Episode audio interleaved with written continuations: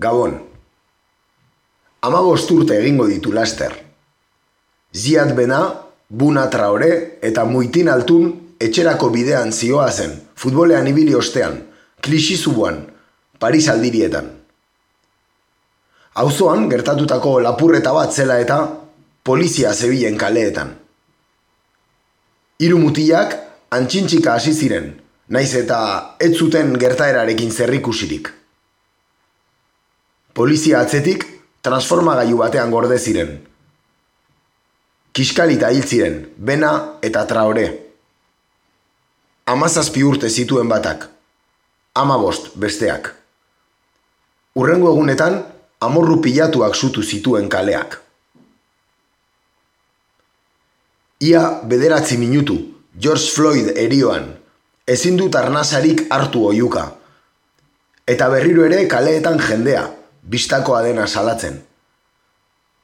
Beroago, estatu batuetako hirietan. Intelektualago, munduan. Klisiko gazteen kasuan baino zabalago, nola nahi ere. Izan ere, irudiek asko laguntzen dute bidegabekeria ulertzen. Belaun itogarri hori. Eta hala berreskuratu dira azken egunetan, beste Floyd egurtu batzuen amaika bideo eta amabi argazki afroamerikarren borrokenak. Rosa Parks, Greensboroko laurak, Tommy Smithen eta John Carlosen ukabil arrotuak, Mexikoko olimpiarreko zerurantz, Black Power, Black Lives Matter, deno gara George Floyd. Gero, beroaren apalduta, Neure bizitzan azterka hasi naiz. Lotu behar nau zerbaitek arekin, ni ere George Floyd naizela egin dut oio eta.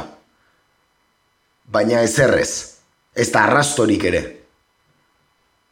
Ezin etxi eta lagun artea errepasatu dut ea zenbat Floyd ditudan, adiskide minenen artean, zenbat bena, zenbat traore. Biaketaren emaitzak jota, zabaldu egin behar izan dut eremua ez da posible. Mobi hartu eta agendan begiratu dut. Hau da hau, agertu zeizkidan antzekoenekin, harreman erak salatu nau. Azkenean, Euskararen aitzakia moldatu behar izan diot neure buruari. Ni dagoeneko zarra naiz, baina nire seme alabek bai, haiek izango dituzte lagun. Eta hala, ez dena sinetxita oeratu naiz ezin onartu belaunetik gertuago nagoela Floyden gandik baino. Hauxe da, ekainaren amalauan, inigo aranbarrik larrepetit zutabean kaleratutako testua. Hemen hasten da, gaur egur. Guten Tag, meine Damen und Herren. C'est la lutte contre le terrorisme. Katea ez da eten. Agirre, garaikoetxea, Gaur egur. Gaur egur. Gaur egur. Jolasten eta enredando.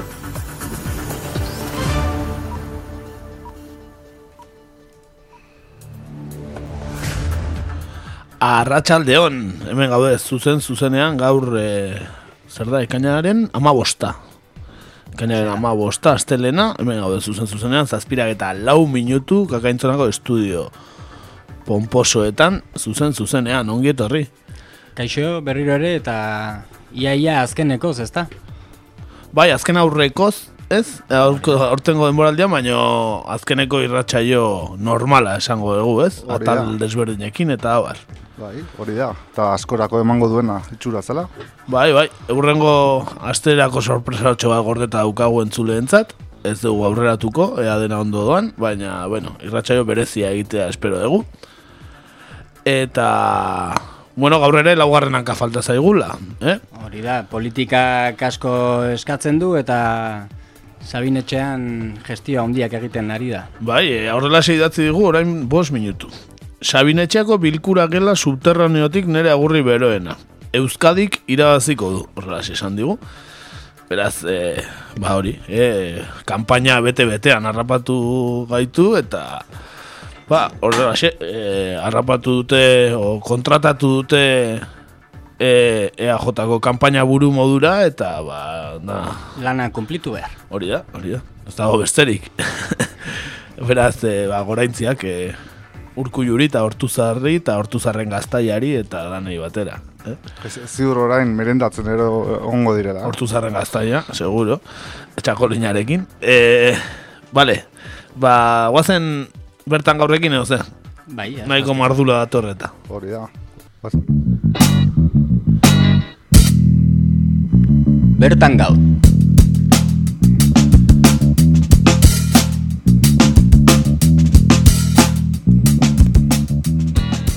Ba, denboraldiko azken bertan gaur atal honetan gurekin batera agurtzen den Eusko Jarlaritza errepasatuko dugu edo ezagit, eh, hitz maltzurrak erabiliz, errepaso bat emango diogun. Baliteke, baliteke. Eta urkuluren bigarren legegintzaldiak gai ugari utzi dizkigunez, baina baita zirku politikorako pertsonaia esanguratsuak ere utzi dizkigu. Bat baino gehiago, ez? Agian buru dutena lehenik eta behin entzun dezagun nola egin zuen zin Gernikako arbolaren aurrean. Apal apalik jaungoikoaren eta gizartearen aurrean Eusko lur gainean zutik eta Gernikako aritzaren azpian azaben gomutaz herri ordezkari zareten zuen aurrean nire agintea zintzo beteko dudala zindagit.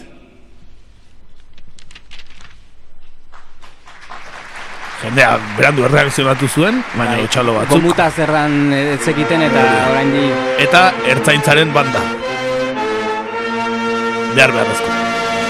Gure talde favoritoetako bat. Bai, hori da, ez ertzainak e, punk taldea, eh? Ertzaintzaren banda.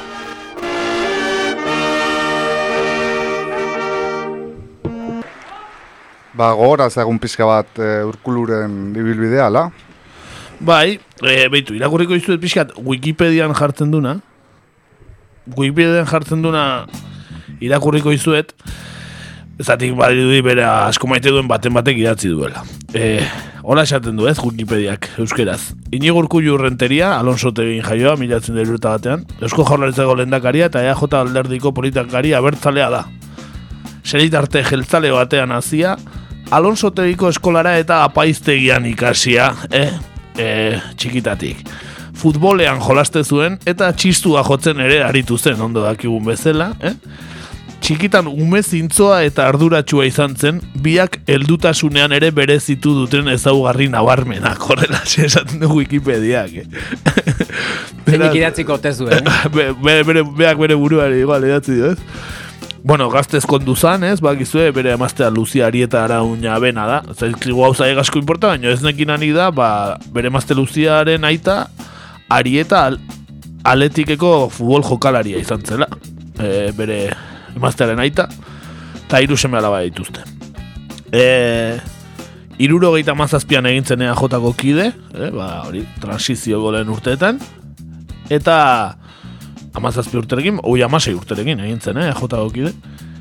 Eta gero izan zen Eusko Gaztedi indarreko eba kide, eta laro gehieta laro eta Euskal, Eskualdeko Kontseiluko kidea ere, bai. E, esan behar da, derioko apaiztegian Euskal Filologia ikasi duela, eh, Euskera zitzaiten duena nabarmen geratzen den bezala, eh? Eta Deustuko Unibertsitateko Aixialdiko Ikesketen Institututik Aixialdiko guneen kudeaketen aditua da. Ez daitela zer den. Eta kirolari gisa, Larramendi Kirol Elkarteko futbol taldean lehen mailan jokatu zuen juveniletan. Wikipedian jartzen du hau, eh? Lehen mailan jokatu zuen juveniletan. Beraz, futbolista abila, txistulari ezin hobea, eta lehendakari aparta gure. Pertsona zintzoa eta, bueno, ez dauka defektu bat ere. Bai, bai, zintzoa eta arduratxua. Eh? Eta, eta zinez duna. Bai, hori da, sinistuna era bat. Fede duna, beste zer baino lehen. E, errepasatuko ditugu pixkat, eukituen kargu publiko batzuk. Hori da. Ba, bera kargu publikotan mila bederatzerun da larogeitatik aurrera aritu zen. E, zehazki mila bederatzerun da larogeita lautik larogeita zazpira e, EAJ-ko Eusko Legebiltzarkidea izan zen.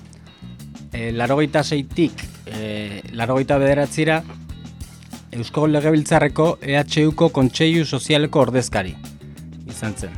eta ondoren eduki zuen beste kargu bat izan zen larogeita zazpitik larogeita malaura ikusten dituzue ba, e, ustartu egiten direlak e, parlamentuan ari zen bitartean kargu ugari edukitzen dituzte kasu honetan larogeita zazpitik larogeita malaura Bizkaiko foru aldundiko gaztedi eta gizarte ekintza saieko zuzendari ordea. Larogeita malautik 2000 eta zazpira EAJ-ko legebiltzarkide izaten jarraitu zuen, eta aldi berean Eusko Legebiltzarreko giza eskubide eta terrorismoaren biktimen batzorde txostengilearen presidentea izan zen, eh? izen pomposoa benetan. Eta baita ere Euskararen aholku batzordeko kidea. Eta noski lehendakari. Bai, kuriosoa da, ez? Pixka dekarri dugu hau, zatio. Larogeita lautikan, ez? Hogeta hiru urte ditu denetikan, bizi izan da politika, tik inigo urkullu, eh? Ez? Esan, betidanik da politikoa, eh? Bai, politikari profesionala. Bai, bai, erabateko politikari profesionala. Ez du beste ezertan lan egin, ez? Politikan bakarri. Ez? Ez dator beste inundik, ez ezer. Betan... bere kide izan zen Josu Joni ez? E, baita gaztedi garaian eta bertan juntatu ziela, berak orain enpresa mundura salto egin du, ez? Adibidez, eta... Bai, urkullu gere agian gero ukiko du. Edukiko du, bat, bai. ez? Txokoren bat, ja prestatuta. Enpresaren batean.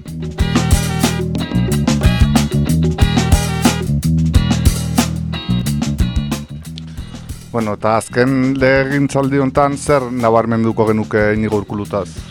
Bueno, gauz asko hitzein dezke, ez? E, zuek esango zuen nik nabarmenduko nuke alde batetik, e, iruditzen zaitela jarrera autoritarioa eta, ez, hola, arroputza bezala, ez? Geroz eta gehiago daukala. Iruditzen zait nahi, ez dakit. Gero, aipatu daitezke e, de Miguel kasua, zaldibarrekoa, osakietzako peak, e, COVID-19 honen kudeak eta, edo Kataluniako prozesuaren eta jaukizuen papera eta mila gauza daude, ez?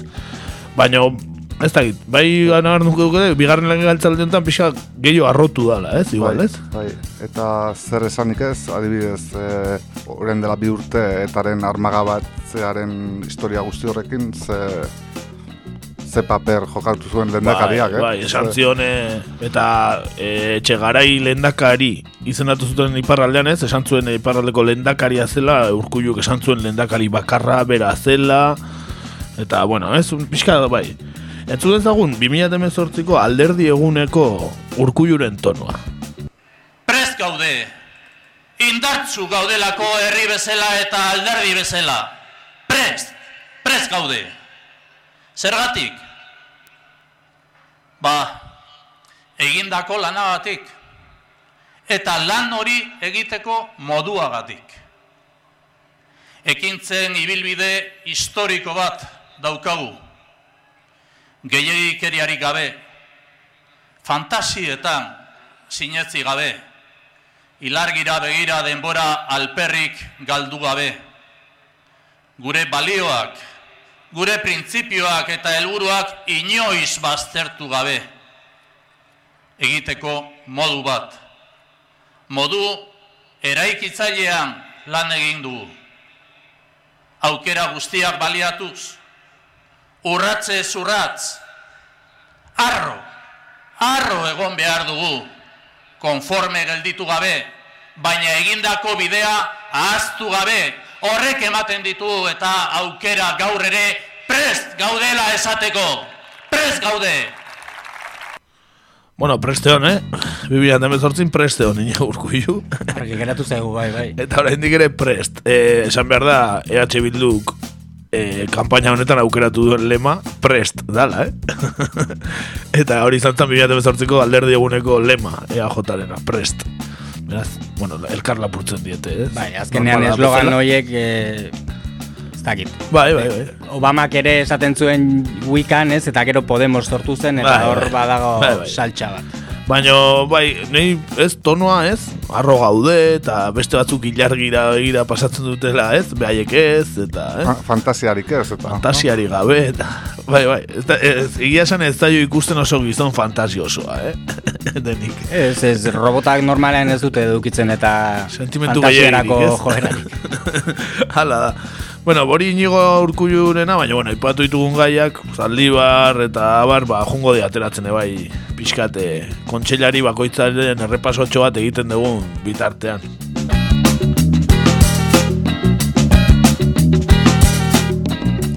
Bueno, eh, legebiltzaldi honetako gai garrantzitsuak izan dira gobernantza publikoaren eta autogobernuaren kontua, la? Bai, eta horko kontxelaria, zein da? Bagizue? Ez? Ez dakizue? Esango izuenik, Josu Iñaki Erkoreka Gervasio, eh? Da, e, gobernantza hori Bozera atera zuten. maila ere bada, baina... Bozera maila da, baina atera zuten sail hau berria da, autogobernantza eta e, gobernantza publikoa eta autogobernuaren sailekoa. Bai, claro, guan esan dezunen, gaina beraien e, kanpainan zehar eta beraien fuertetako bat sai, sai hori buruzkoa zen, eta... Bai, hori da. Ez, zai, autogobernua, oain ja, go, go, akordau ere ez gaiten, baina... Bai, bai. Oan dela lau urte... Estatutu berri bat euki behar genuke, ja, da, ez? Bai, Ja, bai. bozkatuta da, gara jontarako. Bai, eta azkenean oraindik segurtasun soziala saldu nahi gutez. E, duela hogeita hamar urte eduki behar genuen eskumen bat eskuratzea, e, sekulako lorpena balitzu bezala, ez? Hori hau baukagu erkorek aitze egiten, ba, nola e, sail berria zan hau, ez? Autogobernu saila eta, ba, aipatzen du, bueno, hain berria etzela esaten du berak, entzun ezagun. Autogobernuari dagokionez esan behar da, autogobernuari buruzko ardurak beti izan direla Eusko Jaurlaritzan, harik eta larogeita bigarren urtean, garapen autonomikorako lehendakardi ordetza bat sortu zenetik. Lehendakari ordetza horretan, horren aurrean, Mario Fernández eh, ezaguna izan zuen eta modu diziratzuen kudeatu zuen bere egitekoa, eta arrezkero beti sail ezberdinak beti izan dute autogobernuaz arduratu den eh, unidade administrazio bat.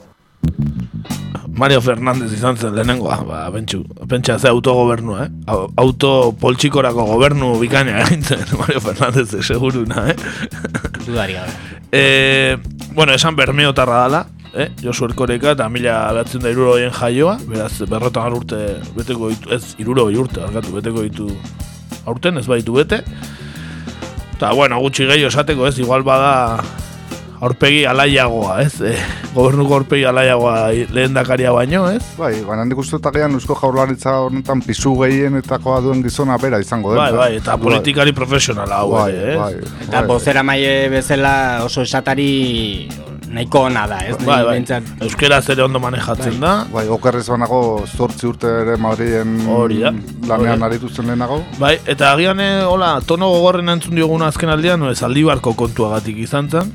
Zatio, gero, ez dakit akordatzen, zaldibarrekoa izan da, urrengo gunen bitara anbotora igozan mendira, eta argazki atea zuen, eta bastante kritika jaso zituen, eta bastante gogor erantzun zuen gero, berak, bere tonotik, pixkat, alden duz edo, entzun ezagun bere zati bat. Bueno, mire, eh, yo ahí tengo que salir al paso de quienes con absoluta irresponsabilidad y en una actitud lindante con el carroñerismo político han querido aprovechar una, una, eh, una desgracia, un incidente grave como el que, ha tenido lugar para eh, lanzarse contra el gobierno. Tengo que negar rotundamente y desmentir rotundamente a quienes eh, vía, fin, por tierra, mar y Twitter están insistiendo y repitiendo en una idea que saben que es falsa, que no se corresponde con la realidad, pero que no van a convertir en verdad. El gobierno estuvo desde el principio allí. Nahiko tono, eh? e, a ber, ez du tono altxatzen edo, ez du maten asarra honi, baina esaten ditu nitza potolog dia, eh? bai, karroñerismo politiko hori ez da oso ohikoa, ez? Bai, eta garai hortan hasi zidan pixkat sartzen Twitterreko jendeakin bezala, ez? E, urkulluk ere aipatu zuen zer Twitterren esaten delako jun behar naiz, ez da, pixkat aldatu dute ton hori, baina hasieran e, ematezune Twitterreko iritzi ematezutenen kontrako, hola, ez? Kampaina bat hasi hartutela, ez? Bai, eh, bai. Baina urkulu berak esan zuen nola e, bera presentzialki ez zegoela, baina bere ba, es- espiritua edo holako zerbait esan Bere zuen. espirituan beti, eski, katoliko Sa- zaldi, bezala. zaldibarren zegoela eta bai, Bai. ja- jardun genuen hori buruz ere bere garaian. Zortzietan errosarioa errezatzen zuela, ez? Aldi barko egatik, eta hori, ez? Bai, gutxi gora bera bai.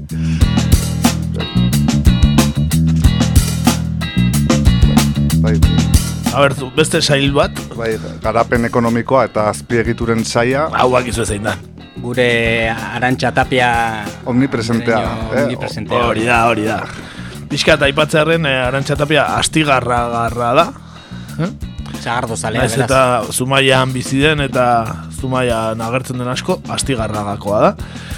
Esan Nafarroko Unibertsitateak Gipuzkoan zeukan teknun eh, han ikasi zuela ingenieritza industriala, arantxatapiak ingenieria da, eta doktoretza ere egin zuen, laro eta marrean, eta adi bere doktoretzaren tituluari, zeren jada argi ikusten nondi joango zen, eh? Políticas de infraestructuras en el País Vasco y escenarios de futuro. Perspectiva moderna versus ruralismo radical.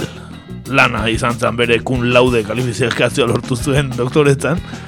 Beraz, eh, nahiko argi izan egoen, laro eta marrean nundi juna izuen arantxa tapiak, ez? Infrastrukturak eta perspektiba moderna versus ruralismo radical. Eta ez dakiz zerta zer izango den ruralismo radikal hori, baina tira. Bueno, bere garaian arzaiusek eta esaten zuten bezala, ez? Albania eta... Bai. Fiskat, horrekin konparatu nahiko dute. eh? Bai, ez dakit, eta cum laude atera zuen, eh, doktoretzan, beraz. Eh, Ez da gauza gutxi, ez? Baina bai, bai, pixkat eh, titulua harrigarria da. E, esan, laro eta mabian berriz e, katedra duna ere egintzela, eta hemen sistemas de transporte teoria de los elementos finitos, beraz, e, beti eukidu dirudienez obsesio apur bat transportea eta azpiegitura e, eta garraio bideak, beraz, e, orain gehiago ulertzen dugu bere HT-arekiko fijazioa, ez? Bai, defentsa Eta hori. Gainera, gainera bukatu, ustartzen bukatu du, ez? Bere bi ofizio maite horiek, ba, ustartu egin ditu. Bai, hori da. Azpiegitura, transportea, dana... Dana batean. Dana batean, beha da, azpiegitura eta garapen ekonomikoaren zailburua. Bere, bere, esan daiteke beretzako egindako saia dela. Bai, bai, era bat, era bat. E, gogoratuko ez duen Bas Railwayekoa eta hemen entzun genuen, ezta? E, nola atera ziren da bere erantzuna. eta esan, e, politikan sartu horretik, Donostiako eskolako politeknikoko zuzendaria ere izan zela, eh? beste bakar guren artean. Eta bazer esan, e, azpiegiturak, ez, arantxatapia, HTA, betiko kontuak eta teleberriko aurkezlea ere badela, ja, ez, esan dezakegu. e, baukagu, pixka bere tonoa adierazteko, adierazpen batzuk, ez, nola gora etortzen den batzutan bai arantxatapia. Eh? ¿Os acordáis este, este problema que hemos tenido con el acero bastante importante y en el cual seguimos eh, inmersos? Bueno, ¿recordáis un ministro que nos tenía que haber representado? Porque claro, como Euskadi no es una nación y no se nos considera, tiene que ir el hermano mayor a representarnos. Y el hermano mayor no tenía muchas ganas de ir. Bueno, en aquel momento le dije al señor Soria, ministro, si no vas tú, iré yo. No se lo creyó, pero fui, fui en nombre del gobierno y pudimos hablar. Y por cierto, pudimos hablar en inglés, que también hablamos inglés, que no pasa nada, que nos da igual. Sabemos hablar en euskera, en castellano, evidentemente, como no. En inglés, en francés, en alemán y si hace falta, en chino. En chino, si hace falta, arantxatapia, gori bakarri falta zaigu. Teleberrian chino zizketan, eh? Ba, ez da, behar bada ingelesa jakinko du, baina ez dut uste, ez? Hor, aipatu dituen hizkuntza guztien jabe izango denik bera. Bera ez, baina baina jotan danetarik daukagu, nola ez, olako alderdi handia eta preparatua, ez? E, nahi bezu guazen urrengo sailarekin, zeren oen digo ez zaizkigu. Bai. Enplegua eta gizarte politiken saia. Zein da, bakizue? Baina ez zaizu etorriko, baina bakizue izena. Beatriz Artolazabal. Artolazabal, hori da. Beatriz Artolazabal albeniz. Milatzen da eta marren jaioa gazteizen. Eta arabar politikari jeltzalea, hau ere, eh? E, bueno, gauza asko e, nabarmendu daitezkez, baina, bueno, bana banan goazela, ez? Pixu handienakoak kendu ditugu pixkat, aipatu ez dakiela euskeraz, ez? Pixkat eh, aipatzearen oain arteko bazekiten euskeraz, hitz egin dugu erkoreka urkullu eta arantza tapia, hartola zabalek ez daki euskeraz adibidez, ez? Baude bat, baino gehiago sailburua direnak, eta ez dakitenak euskeraz. Eta jeltzalea ala, zeren gora ezagun eh, Eusko Jaurlaritza bi alderdik eh, osatzen dutela, eh?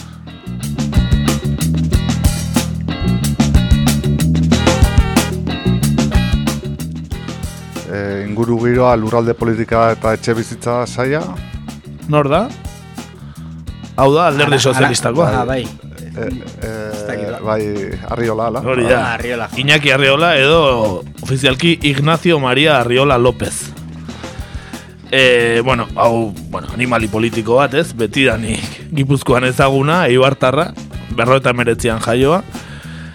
Eta, bueno, Ibarko alkatea izana, e, urte askoan, zuzenbide lizentziatua, eta 2008tik PSEko idazkari nagusia gipuzkoan.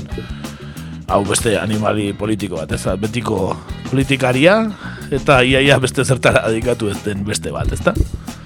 E, goratuko egu zaldibarreko kontu etorri zizteola gainera, baina gutxi ez bida zela ardura un nagusietako bat, eta nahiko hizkutuan geratu dena. Bai, berak eskerrak eman barko dizkio COVID-ari, ez? Azkenean ez delako zikin gehiago atera horri esker. Bai, bai, eta, bueno, ba, nahiko afektatu ikusi genuen zaldibarreko kontuakin, ez da, baino... Baina nahiko izkutan gatu da, eh? eta gaina bere saileko kontua zan, eta zaldi barri barretiren ondon dao, eta esatu zuten, bueno, hemen aipatu genuen, ez? E, Gehiago jakin nahi dunak entzun bai, dezala. Bai, baimenak, baimenak eta bere alkatetza garaian eta emandakoa komentziren, eta bueno, bo, Badauka, badauka hor... Eh... Bai, badauka, badauka, eta ingen irratxaio bat, así que berari buruz gehiago jakiteko badauka zuen unentzun. E, guazen urreko, esan euskeraz bakiela, euskaldun zarra ematen du, baina bueno, nahiko galduta ere bauka, ez? Zati batzutan pixkat ez du hankasartzean dik ditu batzutan, baina bueno, euskalduna dela esango dugu, ez? Euskaldunen taldean sartuko du. Bai, agian aipatu e, Patxi Lopezen gobernu hartan, ez? Ba, aurpegi zintzoena edo izan... Ba, etzen bozera maia baina asko agertzen zen, eh? Bai, bai. Arantxa tapianen papela itezun, ez? bai, bai, bai. Bueno, beste saia eta nahiko polemikoa, eskuntza saia da. Ez lehenago beste daukagu, baina bale, guazen eskuntzarik, ere ah, ah, barkatu, bai, bai, saltatu dut. E, lehenengo gasuna eta okenomia saia aipatuko du, bai. Hori da, eta zein da, bakizue? Pedro Aspiazu jauna, ez? Hori ere nahiko omnipresentea, ez? Azken aldian, bintza. Bai, Pedro Maria Aspiazu uri arte. E, Bilbon jaioa, berrota mazazpian, Eusko Alderdi Jeltzaliko politikari hau ere beti danik, e, Espainiako diputatun kongresun egon zan 2000-tik 2000-amasei amasei urte Madriden. Bai. Ta, politika, pur, politikari purua esan daiteke, ez? Bai, bai. bai. Ta beti ekonomia kontuekin lotuta, ez dut ekarri ikasketa gui beti, bai, pentsate ekonomiko zeo zeikasita ongo dala, zati beti horri lotuta onda. Ta bai, asko agertzen dana, ez? Beti e, aurre kontuen kontuekin eta Hora, bueno, negoziazioetan eta, eta bastante gerri politikoko izona, bai. aurre kontuak onartitu alderdi popularrarekin, Podemosekin, ez? Bai, bai, bai. bai. Bastante gerri bai. politiko. Bai, bauka habilidade hori bai. Ez daukana, ez da euskalduna eta euskaletzen duen, ez daukana da, segun euskerazko zehitz esateko habilidaderik. Entzun ezagun. Euskal ekonomiaren askundeak aurre ikusitako desazeleri... Desa, ez da erreza hau, eh? Desa se... Bueno, desacelería, sí, bueno, desacel, desa, se, la, desaceleración, ¿vale? Ikaragarria. Ikaragarria, eh? Gure azpiazu, eh? Ez zuen egun honena edukiko behar bada, baina bastante itxidu desaceleración, ¿vale? Desaceleración lehenengo nesatu, desacelerazioa. Ez da errexago gaio. lehenengo tila trabatu zaio eta... Ikaragarria, baina, bueno, bai. Bai, duela gutxiko hitza dira gaina hauek, ez? Ba, lehen urtea... Bai, bai. urte bukaeran. Hori bai, bai. Bai, bai, benetan bikaina. Eh, guazen urrengoarekin, lehen aipatu duzu ezkuntza, ez da? Bai, Ezkuntzako abak izu ezin dan? Bai, e, liberatua dena e, it, it, e, itur, itur behala? Ez, Uriarte. Uriarte, barkatu, bai, bai. Cristina Uriarte, Toledo. Ondarri biharra. E, Milatzen eta batean jaioa. Eta Eusko Jaurlaritzako hezkuntza, hizkuntza eta kultura saileko kontseilaria izan zen aurreko legintzaldian eta hontan berriz hezkuntzako bakarrik. E, eta ez daki euskeraz. Eta esan behar da, hori, eh? hizkuntza politikako sailburua izan zala, euskeraz jakin gabe. Honetan kurioso. Oso aproposa postua. bai, hori, eta gipuzkoarra. E, gero osasun e, kontuetan beste bat e, jarri zuten. Zein?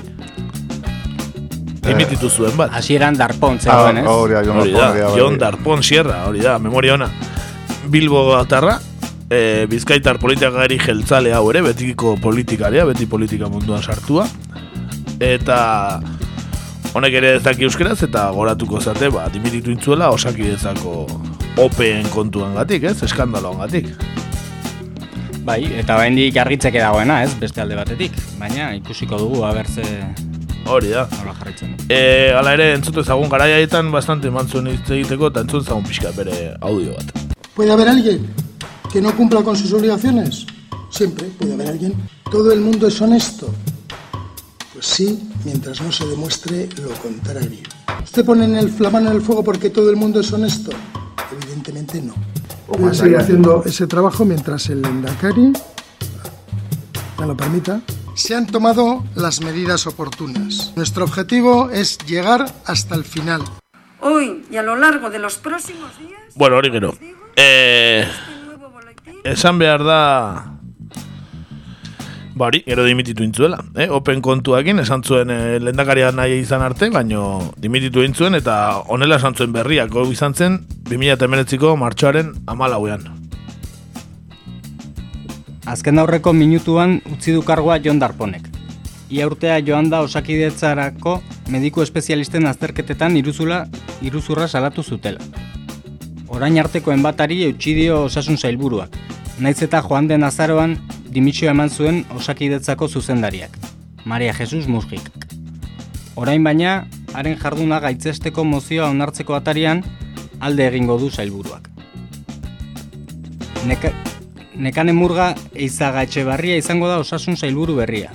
Egun, jaurlaritzako osasun saileko plangintza, antolamendu eta ebaluazio sanitarioko zuzendaria da. Medikuntza eta kirurgia ikasketak ditu, eta kardiologian doktorea da.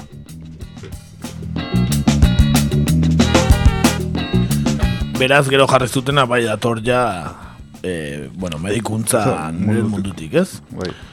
E, hori, ja izar bat bihurtu zaiguna, ez? Hasieran ez gero ezagutzen, baino Bai, murga asko ematen du azken aldian, eta gainera nire ustea palean oso izlari txarra da. Osea, Bai, beti bai, irakurri oso, oso. egiten du, ez dauka inolako... Izlari txarra eta euskera zoen dio okerrago Ba, irakurtzen oso du, zati gaina ez daki. Esan miren nekane murga izaga etxe barria dela bere izena.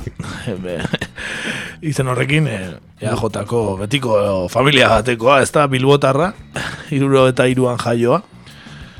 E, hori medikua da eta orain ba kontseilaria dala. Eh? Eta, bueno, bagan eukan audio bat, baina, bueno, beste gabe erakusteko ze gaizki hitz egiten duen, eh? eta euskeraz ez du bate hitz egiten. Irakurtzen du, baina bastante gaizki. Kurrikulum hona bai, baina komunikazio aldetik eta euskara Bai, bai. aldetik. Ez, aurreko azten hitz egin genuen, eh? kontu horietan eh, sartu beharko dute kursioren batean, ez? Eh, komunikazio atalean. Da, bain lanpetuta ibiliko da, baina bai, aldik eta azkarren hobe. Entzun. Como les digo, este nuevo boletín inicialmente tiene previsto que presente los datos por municipio y por zona de salud. Hemen ere irakurtzen nahi da, eh? Beti horrela. Con el número Beti, baina bueno, agian eh, jake, asko jaingo du medikuntzaz, ez da esango ez ez. Baina bueno, komunikatzen mentzat eh, nahiko kaskar ibiltzen da.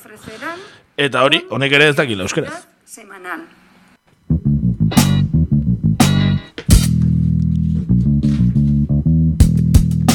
Bueno, urrengo sai bat, turismoa, merkataritza eta kontsumo saia. Nori dagorkio? Nori dagokio? Bakizue? Ideaik ez. Bueno, ba hemen hasi zen Jose Alfredo Retortillo Paniagua. Hau ere PSEkoa. Bai, retortillo jona, bai. E, betidanik PSeko militantea, e, zientzia politikotako irakaslea Euskal Herriko Unibertsitatean, eta Eusko Barometroaren sorreran parte hartu zuena, eta gero gogoratuko zeate igual oain, barakaldoko alkatetzarako zerrendatan zijoalako dimititu gintzuen. Eta bere partez jarri zen Sonia Perez, nire nintzen ez da akordatzen. Baina, bueno, pixka, turismoa eta kontsumoa eta pixka itzalean geratzen diren saia dira, ez? Ez dira egunero teleberrian agertzen, beste batzu bezala. Hori da.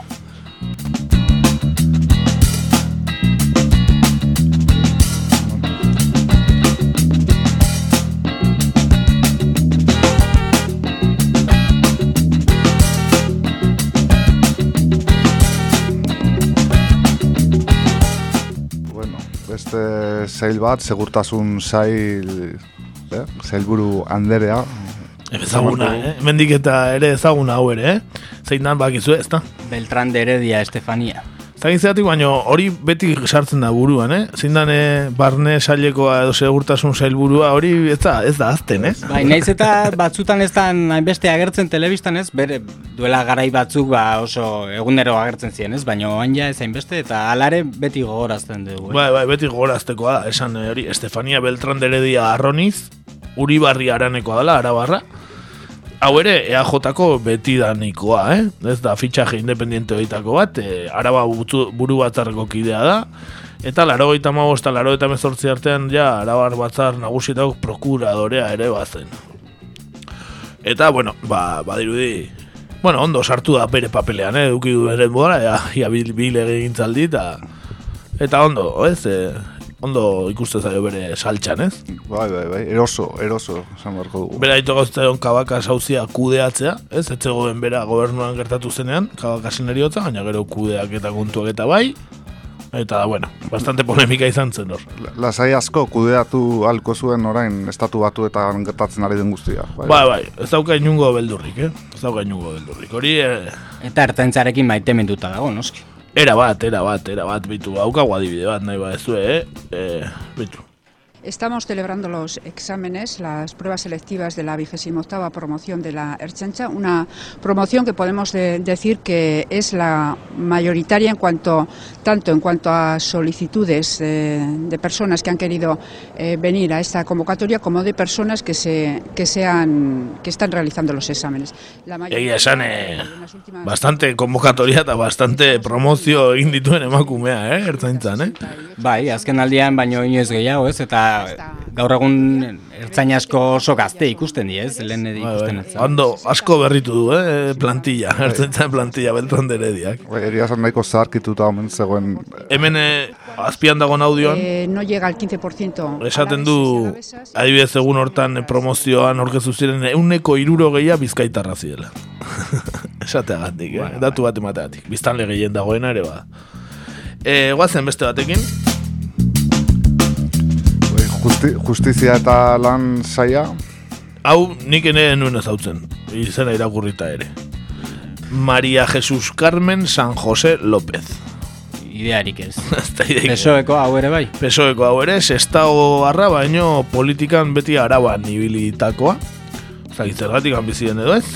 Deustoko unibertsitatean ikastako eta Patxi Lópezen gobernun ja e, jaularitzaren idazkaritzarako eta legebiltzarrerako harremanetarako zuzendaria izan zen. Mhm. Gero foru aldundian arabakoan ere funtzio publikoaren zuzendari, bueno, hau ere politikan betian isartutako bat, mhm. baina peseetik.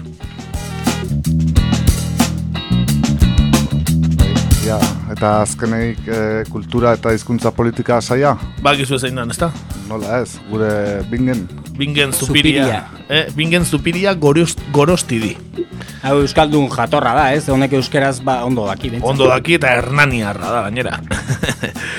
e, kazetaria da berez, filosofia eta letretan lizentziatua. Hogeta bi urterekin hasi zan ETB-en, kazetare gisa.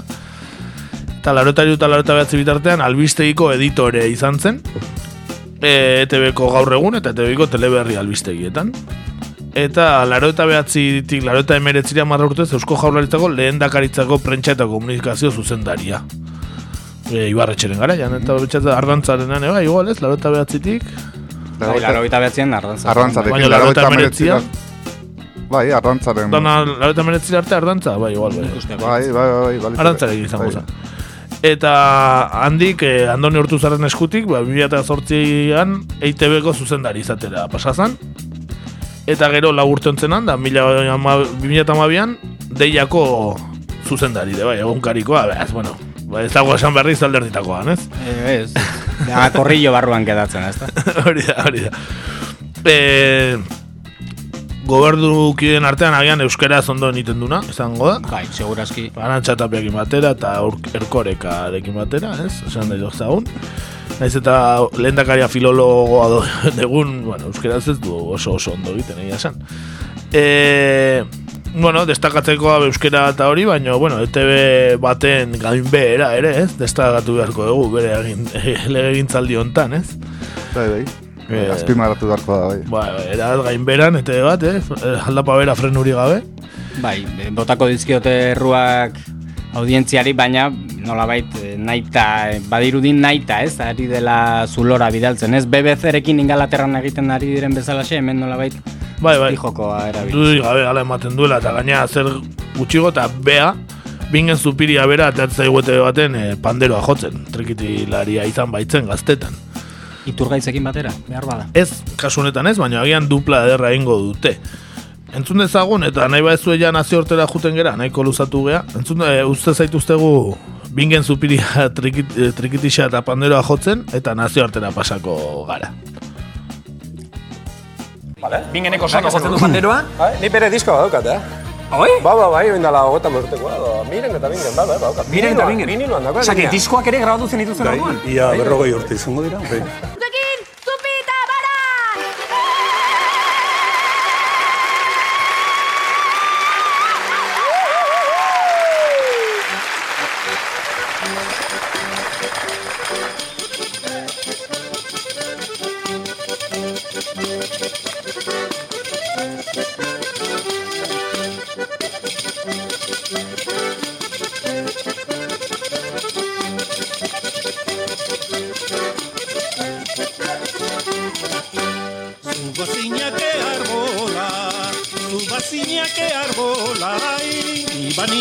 Chorilla, arbol maita garrillo hortan, egingo nuke kabila, egingo nuke kabila, vacina que arbola.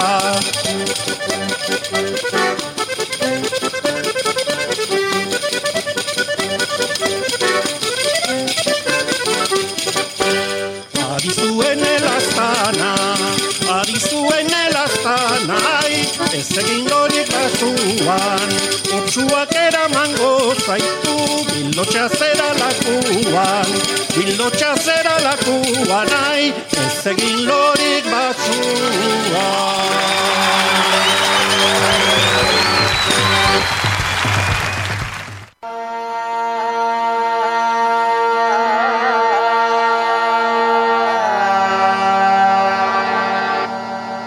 Nazio artean gaur.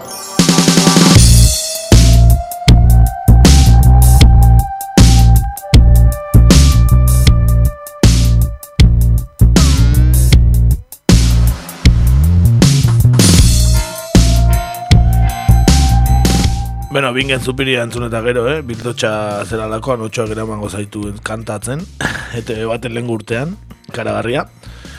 Guazen beste gai batzuetara, zeti bestera horrekin luzatuko gea ordu bete. Badugu beste soinu banda bat, gure... Hori da, hori da, hori da. Miren eta bingen zian, ganai arrebak bere garaien trikititariak, diskoren bat ere baukate. Izena bentsat polita, ez? Ola, miren eta bingen. Bai, bai, alderdi egunerako bikainak, eh?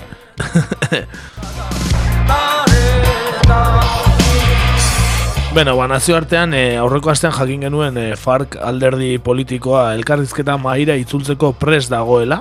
Aurreko maiatzak amabostean bertan bera parte hartzeari uko egin eta gero. Bertan barkatu bertan parte hartzeari uko egin.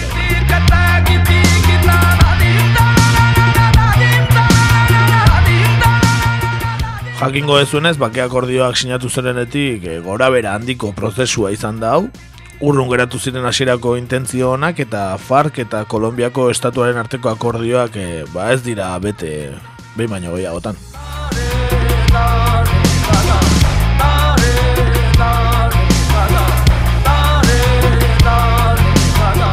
Gogora itzagun e, ba zer dela eta altxa ziren negoziazio maitik FARCeko kideak e, aurreko maiatzean. Bai, bueno, e, arrazoiak pilatzen joan dira, ez? Egia esateko ez da arrazoi bakarra egon e, erabaki honen atzean, baina e, nolabait egoera iraularazi zuena e, Trump administrazioak e, Kuba terrorismoaren aurka laguntzen ez duten estatuen zerrendan sartu izana izan zela, ez? E, Trumpek horretarako argudiatutako arrazoia e, zera da, ez? 2017 eta 19 urten artean badakizue abanan egin zirela bake akordioetarako negoziazioak, eta bertara joandako EL, ELN gerriako kideak e, Kolombiara estraditatzeko bueno, e, eskakizuna egin zuen Bogotak, eta Kubak entzun gorregin zien, ez? Nolabait, e, alegatuz, ba, negoziazio prozesuan murgulitua zeudela eta ezintzela inorra txilo. Eta gainera, e, Kolombiako bakerako goi ordezkari den Miguel Zebaiosek txalotu egin zuen e, Amerikako estatu batuen erabakia, e, partzialtasun osoz, ez, bere kargutik urrun, eta noski horrek e, farkeko ordezkariak e, aserra egin zituen, ez, eta nolabait e, onartezin bezala jo zuten. Baina, bueno, finean, atzean dagoena da estradizioen hauzia, ez, batez ere, badakizue, e, badaudela, e, bueno, ELN-ek nolabait e, aurreko urtean e, atentatu bat egin zuen, eta horren arira, e, Bogotak estradizioak eskatzen ditu, baina baita estatu batuek ere, ez, badaude, e, adibidez, gero hitz egingo dugu santritxetaz, baina bera e, Amerikatako estatu batuetara estraditatzeko eskaera egin zuten estatu batuek. Eta beraz ba horrek zaildu egiten du dakizuenez edozein bake akordiorako negoziazio. Pentsatzen narkotrafiko kontua gigoziko dietela, ez? Narkoa gerrilla nola ditzen dieten, hori da, ez?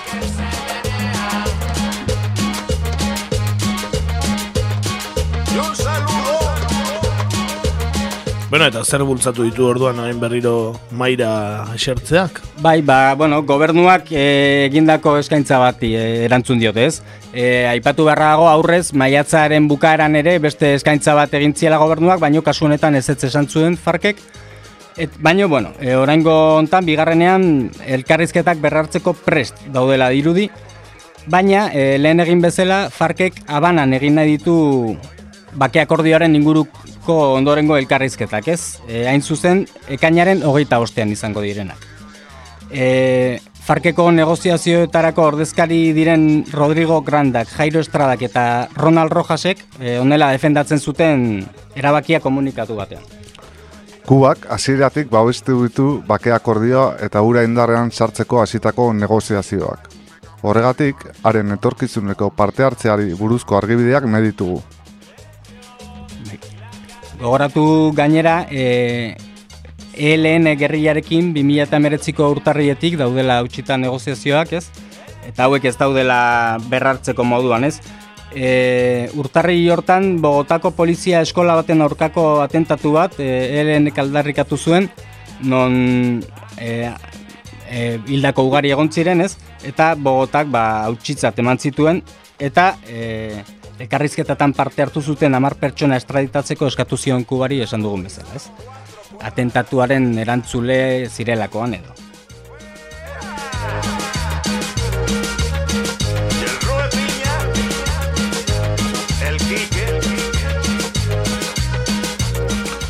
Hala ere, FARC barruan ere gatazka nabaria dira, ez? E, sektore batzuk e, armak ere hartu dituzte. Egun batean, e, Winston mirakatxa berberak esan zigun modura. Hori da, gure hango ordezkari den Winstonek e, ba, informatuta gautzka, baina bai, e, FARC barruan ere noski ikusita nola urratzen diren bakoak, bake akordioko oinarriak, ba, e, iritzi desberdinak zabaldu dira, ez?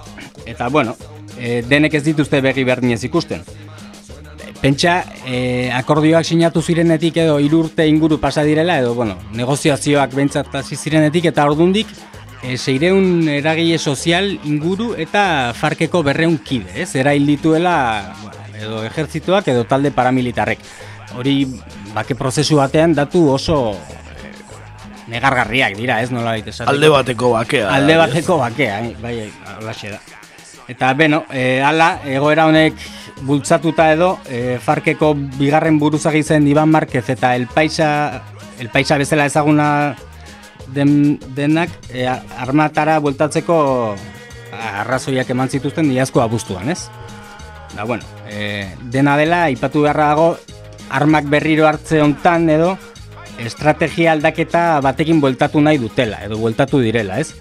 e, argitu zuten besteak beste polizia eta soldaduak ez direla gehiago izango beraien helburu militarrak, ez? Nolabait estatuarekin beste harreman mota bat nahi dutelako eta orain e, oligopolio ekonomiko eta horrelako ba, nolabait interesen kontra joko dutela azkenean uste dutelako ba, bueno, hoiek direla benetako erantzuleak, ez? Estatua ere bera menpe daukatenak.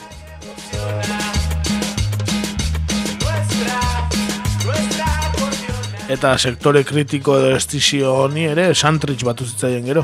Bai, hor polemika bat egon zen, ez dakit e, gogoratuko duzuenez, nola ies egin zuen eta egun batzutan ezen jakin ez, Jesus Santrich, e, bueno, farkeko buruzagia ere bai, eta aipatu beharra dago, e, bake prozesuan zehar, Santrichek urte bete baino gehiago eman zuela kartzelan narkotrafikoa egotzita hain zuzen, eta e, nolabait Kolombiako hainbat erakunde politiko eta sozialek muntaia eskandalgarritzat jo zuten prozesu judizial guztia, ez?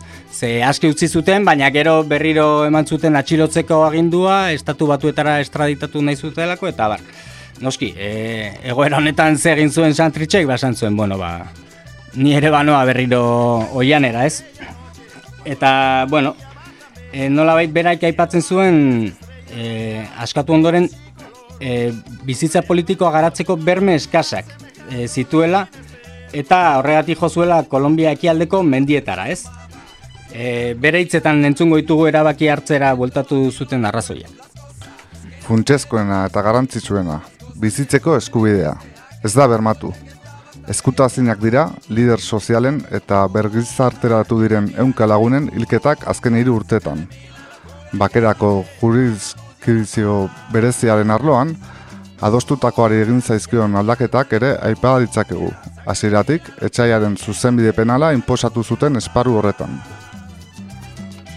Tamalez, oroar, akordioaren implementazioari dagokionez, gobernuak ez du sinatutakoa bete arlo askotan. Horren ondorioz, segurtasun juridikorik eza, segurtasun pertsonalik eza, segurtasun sozioekonomiko horik eza eta krisi sakona sortu dira. Eta tradizioaren bitartez, bake akordioa amildegitik bera botadu Kolombiako gobernuak printzipio unibertsalak zapaldu ditu ala nola paktasunt zerbanda itunak behartzen du eta fede onarena.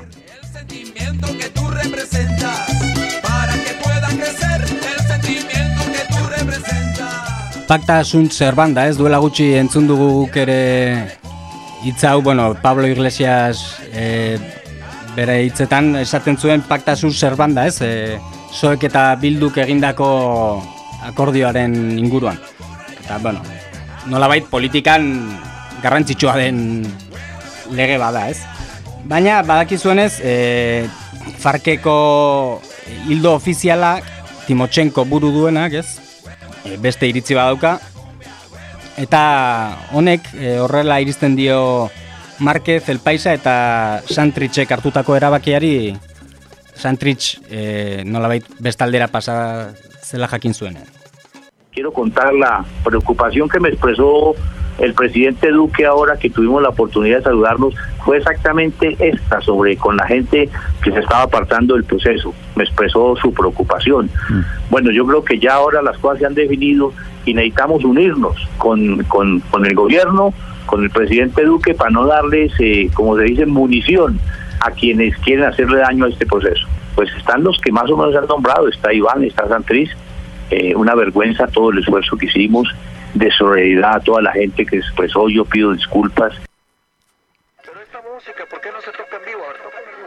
Bueno, ikusten duzue, barkamena eskatzen ez, e, nola bait, ba, egindako lan guztia popatik hartzera joan zitekelako, baina e, egia da, indako guzti horiekin eta ikusita ze, ze aukera hartu duen Kolombiako gobernuak, dakigu justifikatuta dagoen, baina honi behintzat ulergarria egiten zait, ez nolabaiteko zatiketa hori eman izana.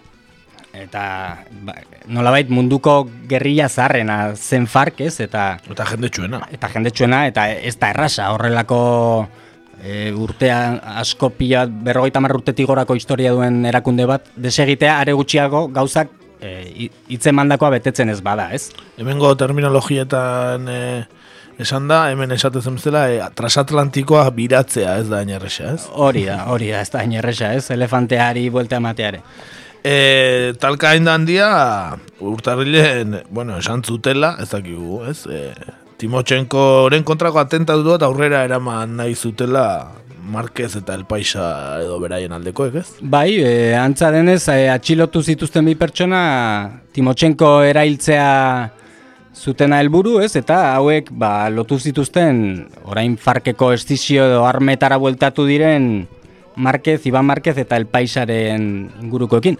Ez dakigu ze puntutaraino den egia, badakizuen ez, horrelako kasuetan beti informazioa tentuz hartu beharra dagoelako, e, interes asko bai daude jokoan, baina nolabait bai da oso sintomatikoa, ez? E, horrelako gauza bat zabaldu izana, eta ez dirudi erresa, e, nolabait farkeko bi alderdi hauek ados jartzea hemendik aurrera, ez? E, darabilten lenguaia, ez, traizioa, nolabait eh, batek barkamena besteak eta bar. Eta, bueno, ikusiko dugu nola, nola doan aurrera, ez, e, Kolombiako bake prozesu hau. Arrigarri abentza bada burkide hoien aurka eraso egitea, hain denbora epe gutxian, ez? Hain denbora gutxi, hain denbora gutxi burkidea ziren, eh, na, kontra, ez? Bai, e, bueno, denbora gutxi, baina azkenean intentsitate handiko momentua dira, ez? Eta hor gauzak asko nazpilatzen dira. Ez dakit, eh, ez naiz oso adituan noski, gertatzen denaz, baina ikusita, e, bakealen Nobel saria eman zietela, ez, e, Kolombiako presidente zenari, eta abar, eta nik uste dut nazio batuen erakundeak ere zerbait egin beharko lukeela, ez, ez dakit, ze puntutaraino dagoen sartuta, noraino ez, baina ez toan norabide honean e, bake prozesu hau, ez? Beste bake Nobel sari bikain bat, eh? Bai, bai, beste bat listarako. Hala ere bada Kolombiar politikaz asko dakien bat, ezta? E, saltza guztietan dago neulitzarra. Hemen ere bimainoetan aipatu duguna gure lagun maitea, ez? E, Álvaro Uribe Vélez. Bai, e, behar bada harrituko zitzaion entzuleari, ez? Oraindik bere izena ez entzun izanaz, e, egia esan Kolombiataz hitz egin dugun guztitan agertu zaigu, zorionerako edo zoriotxearrerako, baina kasu honetan ez du hitzik esan, eta ez dakigu non da bilen. Azken ekarri genuenan inputatuta zegoen. Hori da. Zagit, eh, nola aukiko duen kasu, azken aldean ez dut berbi giratu egia esan. Ez nik ere ez, baina pentsatzen dut horren arira ez, perfil basua mantendu nahiko duela, ze bera izango da lehenengo presidentea, ustelkeriagatik eta beste nepotismo eta bueno, bakizue, horrelako kargu gatik inputatu dutena eta epaitegi gorenean deklaratu beharko du, ez dakigu noiz, baina segurazki horregatik dago isilik, ezta? Isilik ongo baino izkutuan e, ariak mugitzen ere bai. Ah, hori seguro, hori gure Jose Mari bezalakoa da. Eta ariz bete eta ez dauden fardoak ere bai seguruenik. Noski. Eta armaz. Baita ere. Ba, bikain, Kolombia beste bain ere, asko maite dugun herrialdea eta gero agian e, bueltatuko garena, ez, tan lagun bikain bat badaukagu, eh, gure korrespontxal bakarra, eta agian bueltatuko gara gero Kolombiara. E, abestitxoa jarriko dugu? Eskat ez lehortzeko edo zer? Primeran. Ba, fondotik ere entzuten aigan, artista jarriko dugu, e, Celso Piña, hi ez artista handia kumbiaren errege, eh, akordeoiaren errege, eta bere reina de kumbia sabestiarekin uste zaituzte.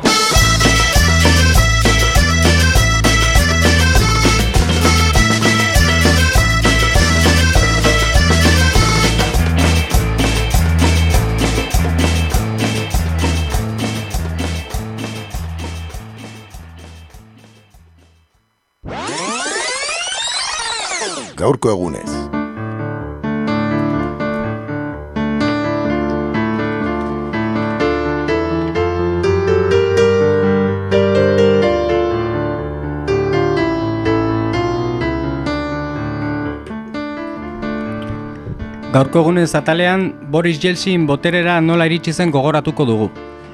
Bera presidente izatera iritsi zela hogeita bederatzi urte pasadirela aprobetsatuz. Boris presidente aukeratu eta denbora gutxira, Sovietar batasunaren amaiera gertatu zen.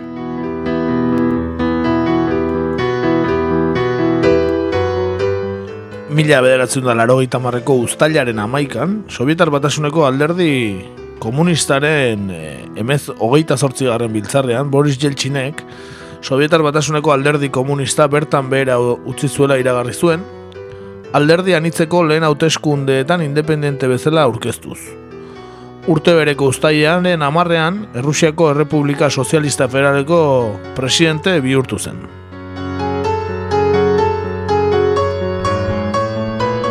Eta gaurko efemeridera joan ezkero, ba, laro maikako ekaineko hauteskunde presidentzaletan Boris Jeltzinek independente bezala aurkeztu eta Erresueko Sovietar Errepublika Sozialista Federalko presidentea hautatua izan zen euneko berrogeita amazazpiarekin, naiz eta polemika pixkat e, izan zuten hauteskunde haiek. bai, bueno, pixka bat eh, aipatu e, Jeltzinen igoera edo, nola izan zen ez, ba, e, Mikhail Gorbatsov izan zen e, karrera politikoa hasi zuena, zatik e, alderdi komunistaren Moskuko arduradun izendatu zuen Jeltzin, eta larogoita bostean e, izan zen ura, eta bi urte iran zuen bi buruzagien arteko laguntasun edo harremanak ez.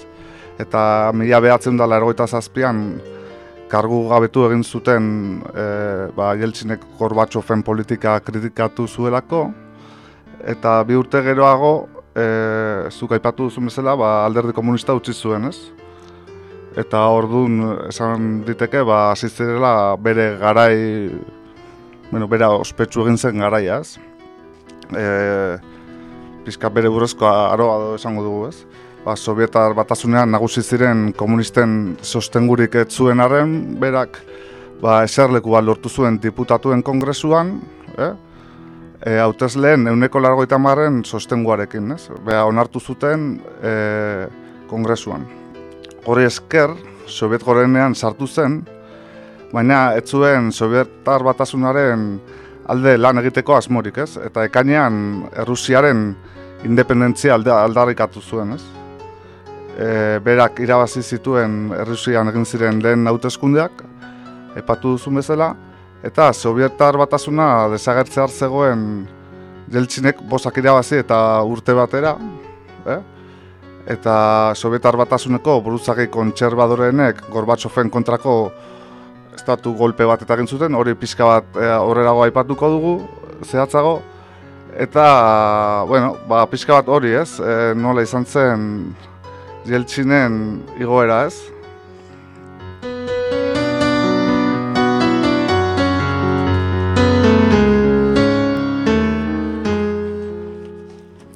Eta pixka bat gehiago sakontzeko, zergatik e, gertatu zen larogeita maikako Gorbatxofen kontrako estatu kolpe hau? Zintzuk izan ziren erantzule eta ze papel izan zuen bertan Jeltzinek? Izan bazuen? Bai, bueno, pixat aipatu eh, labur-labur, e, dakizuen bezala Gorbatsofek perestroika eta glasnot e, izenarekin irekitze eta garden gardentze esan liteke prozesua, ez? Perestroika e, irekitzea eta glasnot uste dut gardentasuna, bai, horrelako zerbait, ez?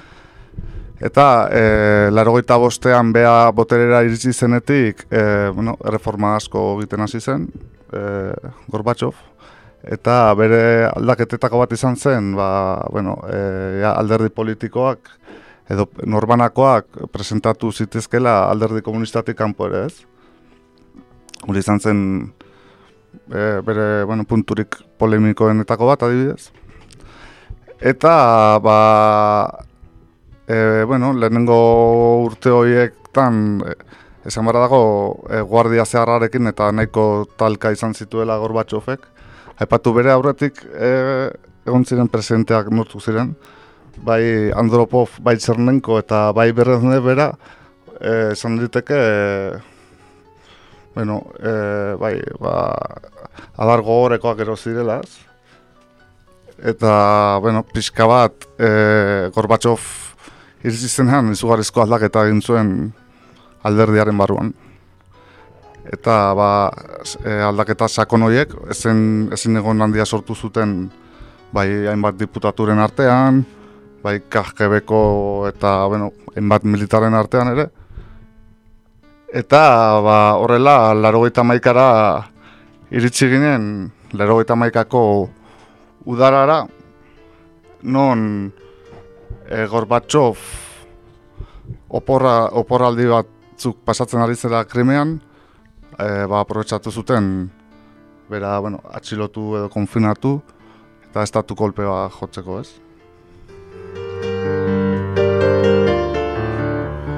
Eta,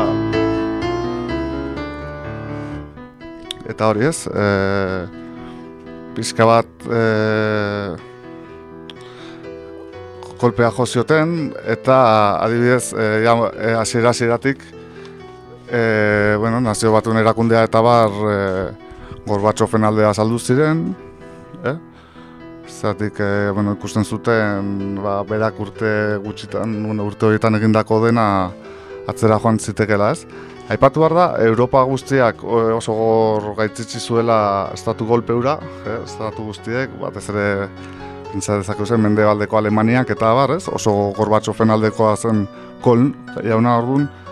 Baina, aipatu gara, Mitterran jaunak, adibidez, François Mitterrandek eh, kolpea jo zuten alde egin zuela. Izugarrizko polemika sortu zen gara hartan. Eta, bueno, edo zenek nahi badu sarean edo begiratu, bai, oso, oso bitxia da, baina Mitterrandek eh, konspirazioaren alde edo egin zuen eta egun batzuetan atxikituta atxikituta egin e, eduki zuten e, ba, erreformen eta aurka zeuden ba, guardia zaharreko hauek eta eta bueno e,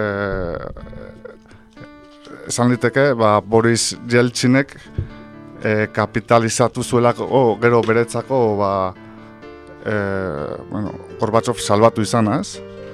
Zatik e, bueno, e, orduan Jeltzin bueno, Gorbatsofek ingaizki eramaten zen, e, Gorbatsofek ere erabat e, aldentuta zaukan, zade Gorbatsov zen e, Sovietar batasuneko burua orduan, bueno, Yeltsin zen Errusiako Sovieteko, Errusiako burua ez, esan liteke ez? Errusiako presidentea. Hori da. Eta zeren bi boteren arteko talka hori ez.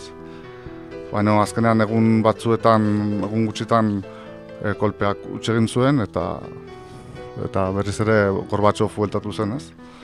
Bai, badago hor esaldi famatu bat Jeltsinena oso ona dena, ez? E, eraiki dezakezu behar bada tronu bat baionetekin, baino ezingo duzu bertan eserita denbora asko pasa, ez? Eta, bueno, naiz eta mozkor bat izan hor geratuko da historiarako ze hori. Bai, mozkoro baino gehiago izango zen, nahi beste bai. denbora boterean egoteko, ez? Bai. Eta Errusiar Sorbietararen defentsa e, nork hartu zuen bere gain edo inork hartu baldin bazuen edo nola egintzen? Bai, esan diteke eh, egun horietan Krimean Gorbatsov konfinatuta eta dukitzeaz gain, e, Moskun eta e, Leningradon tankeak atera ziren, e, toki estrategikoak hartu zituzten, ez? Bai, bueno, telekomunikazio batzuk, e, eta bueno, beste erakunde publiko asko, ez? Eta egun batzuetan, e, bueno, tentsio uneak egon baziren ere, e, bueno, etzen, e, azkenean, etzen izugarrizko gatazka handi handirik izan. Eta, bueno, gero pixka bat aipatuko dut horrelago. Bai.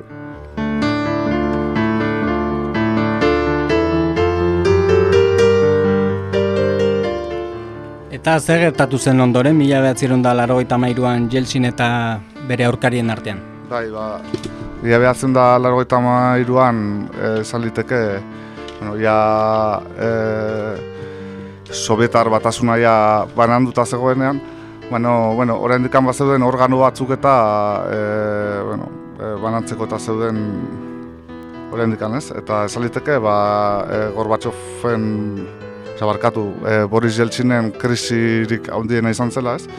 Bere, zaik, izan zen, laro mairuko konstituzional krisia do esaten zaio. Eta, bueno, hitz gutxi batzutan, e, e, bueno, ba, Errusiako parlamentuak, ez aditeke. Duma. E, bai, Dumak. E, Duma, bai, e, zar, zaren garaitik eratorritako hitza eta hitza, eta gero Jeltzinek berreskuratu zuenaz. E, bueno, e, Dumak e, gehiengoz ba, e, Jeltzin botatzea erabaki zuen, ez? Osea, e, Dumako legebil esan diteke, ba, diputatuak eta Boris Jeltzin etzeto zela bat, hainbat erreformekin eta bar, eta ba, presidentea demokratikoki botatzea erabaki. Gabetzea, mo, zentzura mozio bat balitz modu. Hori az, erabaki zuten, eta ba, Jeltzinek e, zuen hori onartu, zuen hori onartu, e, bere aurkako, bueno, estatu kolpe bat bezala zela esan zuen berak, eta ez da gutxi ez da gutxi gaurako ere, zatik e, oso legala zan egiten zuten hori, berak e, kargu gabetzea, baina e, ejertzitoko zail batzuk e, berekin lerrokatu ziren eta e, bueno, esan, esan bada diputatu batzuk e, kongresuan bertan konfinatu zirela, ez? E, bertan ba, protesta egiteko. Hori, protesta moduan eta ba, so, ejertzitoa ba, bertaratu eta eraso egin ziela, ez? Bertan zeren diputatu ez. Eta hainbat diputatu ere hil ziren, eh, eraso hortan, oza, pentsa zer nundik datorren eh, Estatu golpea orduan jeltxine bera jozuen agian, daiteke nahiz presidente izan, ez? Bai, irudiak eta hor daude, ez? E, e, Casablanca deitzen zioten e, eraikin famatua, e, bere garaian e, ba, Soviet, Errusiako Sovieta zena, ba, bombardatu egin zuten, literalki, e, Putinen aldeko soldaduek, eta ba, besteak errenditzera behartu zituzten, ez? E, besterak eta indarrez, ba, bere presidentzia edo ba, aurrera atera zuen. Gainera hori ba, e, Europaren eta Estatu Batuen eta beste herrialden sostenguarekin. Ba, hori izan zen e, Jeltzinen demokraziarako bidea, ez? Izan liteke. Oso bidea demokratikoa. Bai, bai, bai.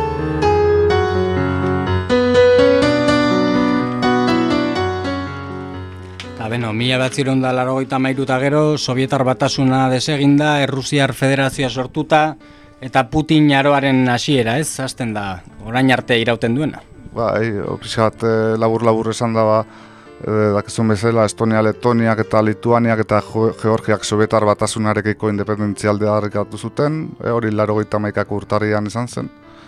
Eta gero Lituania, e, hori da, Sovietar batasuna saiatu zen berriro ere Lituaniara, Lituania, bueno, e, erakartzen berriro. Eta hor, estilu handiak egon ziren, ez? E, bil, bil zen, ez? Eta gero, ba, laro, e, aipatu baita ere, e, laro eta maikako martxoaren amazazpian, e, Sovietar batasunaren erreferendum bat egin zela, eh?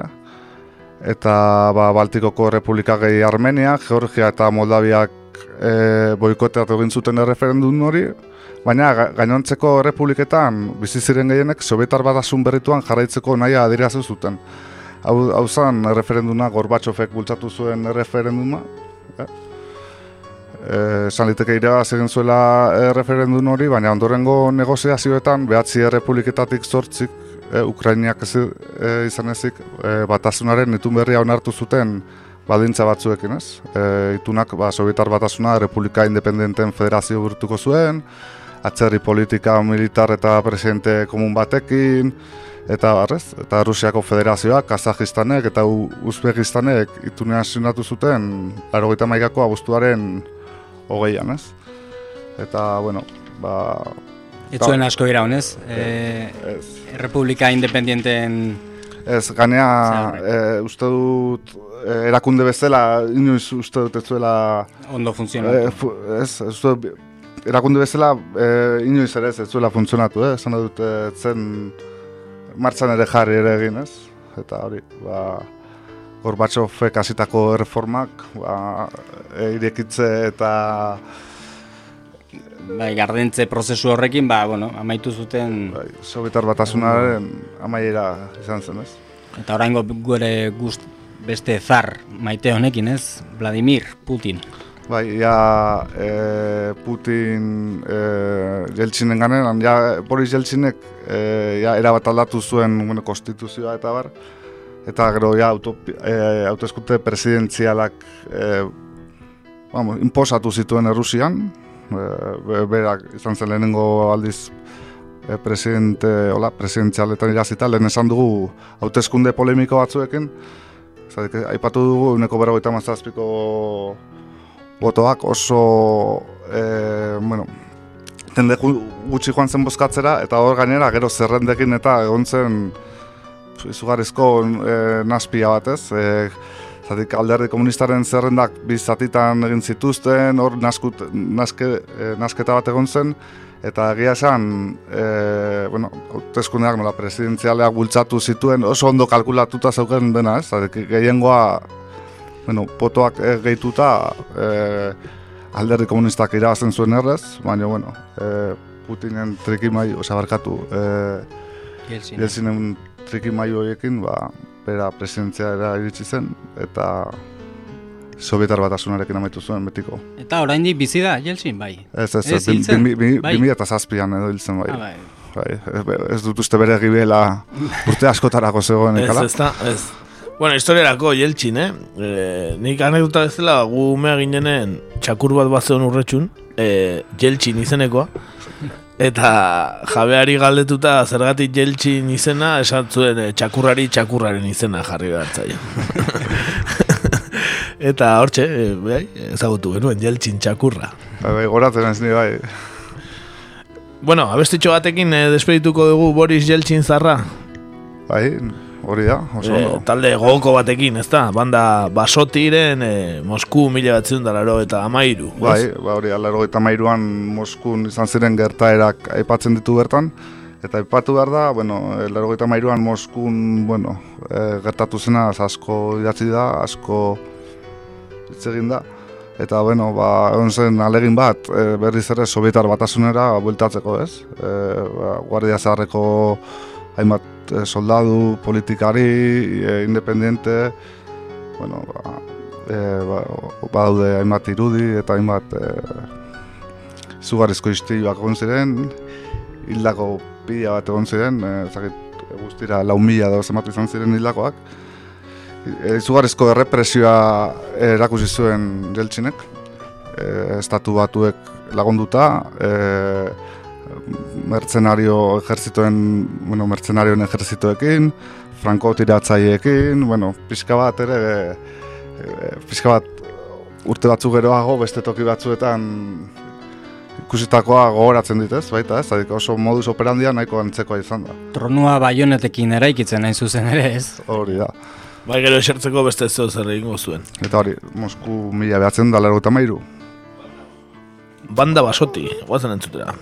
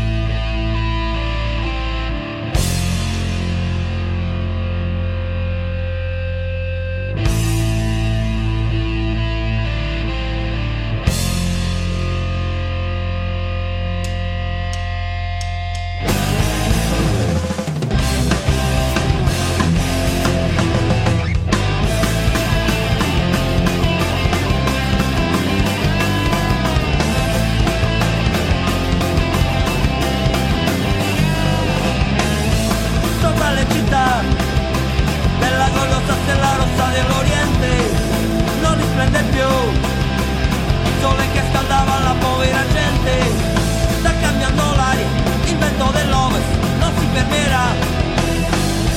Mira cuando odio, pues resulta si respirera. Dale montaña.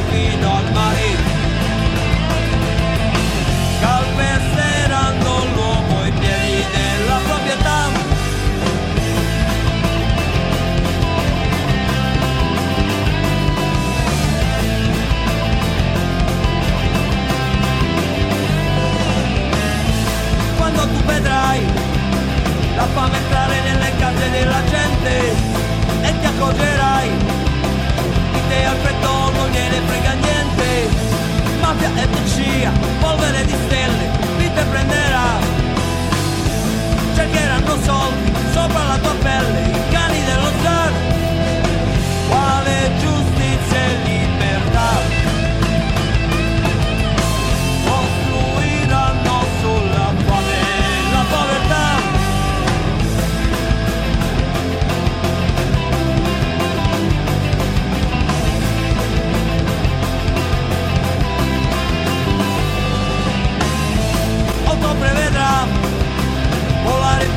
conto dell'Occidente. Faccia operai. Al muro insieme all'uguaglianza tra la gente. Tra le cannonate e l'asfalto rosso il rich partirà. Andrà per il mondo cercherà il suo amore solidarietà. Ma sopra il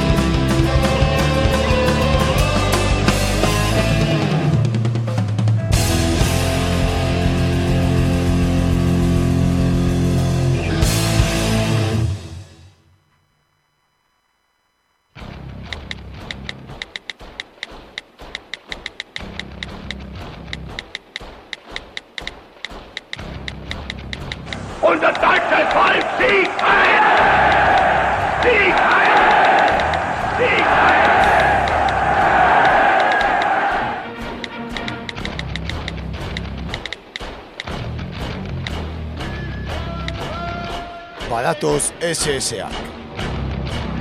Sare sozialetan egur.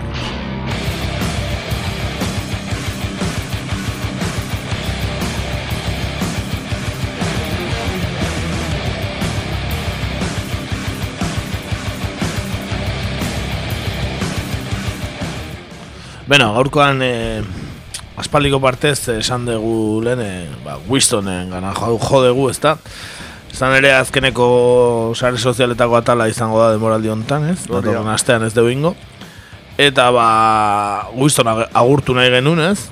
E, ba, hori urri alde arte hola ez dialako behaki neongo, gutxinez, ez? Hori da. Eta, klaro, ba, ez da ez egoerarik eh, normalena bain daukaguna, ba, nariñon ere, ba, komiden beretzia eta bar, ba, bueno, galdetu genion, aber, zemuz, eta bar, eta, ba, beak, eh, esan zigun, ba, nahiago zuela, albiste bati oi hartzun eh, internazionala eman, izan ere, ba, nariñoko zazpi gazte, eh, Brasilen e, sufritzen ari diren egoera ekarri digu. Eta, ba, entzun dezagun, e, Wistonen ahotxeztia aspaldiko partez. Siete jóvenes mujeres nariñenses están literalmente abandonadas a su propia suerte en el Brasil. Temen por un contagio con coronavirus. Aquí en el municipio de Boisaco, en el norte de Nariño, su familia lanza un SOS y le pide al gobierno nacional que no las abandone en ese país suramericano. Ba hori, eh, eskatzen dute gobernuari ez eh, ustekoan, eh, abandonatuta, eh. Agian noan esku bat botako die Wistonek, nola bere ezaguna duen... Bai, departamentuko burua, ez? Hori da. Bai, bai, bai. Bai, bai, eta eskatzen dira eh, abioi bat, eh, abioi humanitario bat edo jartzeko, ez? Egaldi humanitario bat edo, ba, buelta daitezen. Entzun ezagun pixka gehiago horri buruz. Víctimas de xenofobia, no tienen dinero, comida ni dónde dormir. Es la historia de estas siete mujeres nariñenses que quedaron atrapadas en Brasil en tiempos de pandemia. Ya no tenemos plata para pagar el arrendo, debemos dos meses, no tenemos plata para pagar los servicios, se nos está acabando la comida y hemos estado solicitando ayudas, pero no hemos tenido respuestas de nadie.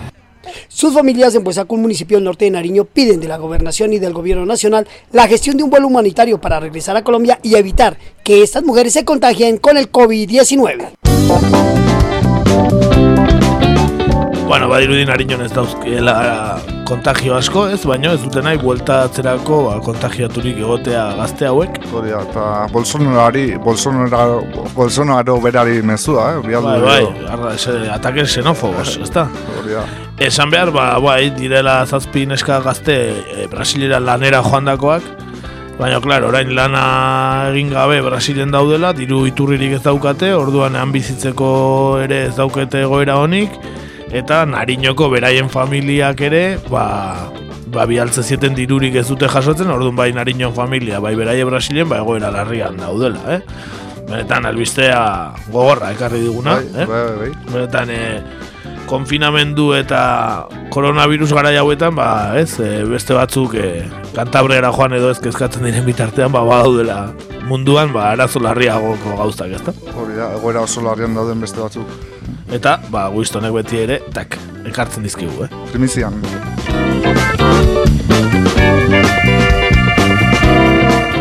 Hori albistea ekarri diguna labur labur, baina noski entzulek seguru jakin nahiko duzuela pixka gehiago Winstoni buruz, ezta zemuz dagoen eta hori dana, eh? E, ba, gizuen nola mehatxua jaso zituen eta, bueno, mila gauza pasa ditu gizonak. Esan oso ondo dagola, osasuntxu, ez dela kontagiatu koronavirusakin ez da ezer, eta oso oso ondo dagola, eta gainea aipatu genuen bezala, ba, Mario Leiton kamarelaria duela ondoan, eta esan behar da, ordu da nondik, ba, erreportaietan aurrera pausu handiak egin dituztela, eh? E, oraingo hontan adibidez, e, badirudi Mario kamera berria osi dula, Zer, benetan irudi bikaina ekarri dizkigute, laukan, eh? kalitate bikaina, lauka kalitatean ekarri dizkigute. Eta, ba, behin kamera berria erosi baute, ba, ez daitezela despistatu, eh? Aurreko urtean bezala. Hori da, azkena gaizki, azkena gaizki bukatu zuten, eh? El, el equipo de reporteria, eh? Abisatu egin barko dugu, eh? Ondo... Hori da, hori da, igual ardoa eatera txandaka joan barko dira, ez biak batea, eh? Zatio, azkenekoan ardoa eatea juntan Winston eta... Deskuidatu zen eta dena lapurtu zuten, bai. Hori da, hori da. Ba, hori xe Winstonekin geneukana eta nola ez entzule guztiak agurtu nahi izan ditu Winstonek nariñotik. En el municipio de Boisaco, con la cámara de Mario Leitón, Winston Viracachapaba, Noticias RPTV. Ba, hortxe, eh, gure Winston zarra, eh? Agurtu gaitu, eh? Bikain, ba, urrengo denboraldi arte gu jaingo dugu beraien berri, baina gure entzulek ez. Da, eta udarak emango du, eh? Emango du, ziur, askorako emango du. Ziur, ziur, gainera, eh? E, a ber, ze, guk kontaktua mantenduko dugu, uste bai gute gainera, ala geneukan pentsatuta, nariñora joatea, ez? E, bisitan, baina, bueno, ikusiko dugu. Agian bera etorri beharko da, o ez dakit nola egongo kontua. A ber, a ber. e, aipatu Twitter galderarik ez deula ingo gaur. Zatik... E, ba, nola datorren asten ez doan atala hueongo, eta ja bukatzen dugun denboraldia, ba, pentsau dugu, ba, hor, e, galduta geratzeko inkesta, ba, ez egitea, ez? Mhm. esan azkeneko inkesta orduan, denboraliko azkeneko inkesta izan dela, ea zuentzat norden diktadora goa, Lutxek Lukatxenko edo urkullu, eh, beraz, eh, galdera bikainarekin bukatu dugu denboraldia. Eta ze maitzak eman zituen, galdeketak? Bueno, Twitterren euneko eunak bozkatu zuen urkullu. bueno, bueno, bueno. Benetan, eh, Demokratikoki irazi duala. Demokratikoki, euneko eunarekin. Eta telegramen berriz eh, euneko laro eta biarekin. Edo, eh, bantxe esango izut, laro eta amabiarekin. Ez da eusko barometroak, eh? Eh, ba, baten batzuk boka, bozkatu duen Lukatxenko, euneko sortziak. Claro. bueno. Baina bai, bai, eusko barometroak ematen dizkiona, baina maitza hobeak atera ditu inkesta honetan no, koz- pozik egongo dia, eh, nola da, eh, az, nola zan? Aztikerrez, nola da? Eh, Luego estan itzen genuen, jaztu Bai, zeitu zen. bai, Iker Bask, ez, da nola, naztu zaila Hainbe- izen. hainbeste dare. Bai, hori da, hitz egin genuna, ez, hauteskunde, bueno, inkestak egiten zituna, aztu zaila izena. Ba, hori xe, honekin bukatzen degula e, aste hontakoa eta denboraldiko azkeneko irratsaio normala, esan dezagun. Beraz, Bai, bai. Bueno, urrengoa prestatzeko baditugu lanak, así que, bueno, oraindik ez da bukatu denboraldia. Ea, zer daukagun azkeneko saiorako. Hori da. Ba, bueno, hoxe, eh, gaurkoan ondo, orduta hogeta mame minutuko irratsaioa ondo, denbora zeta, eh, espaldiko partez nahiko, nahiko labur. E, abestetxo batekin agurtuko zaituztegu, Derribos Arias talde mitikoaren Dios salve al lendakari.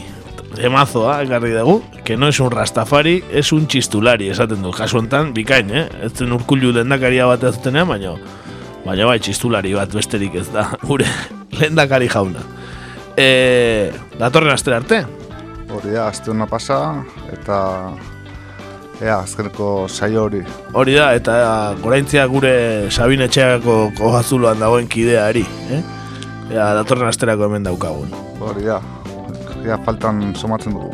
Bueno, ba, agur, hemen txe derribo saria zen Dios salve al lendakari.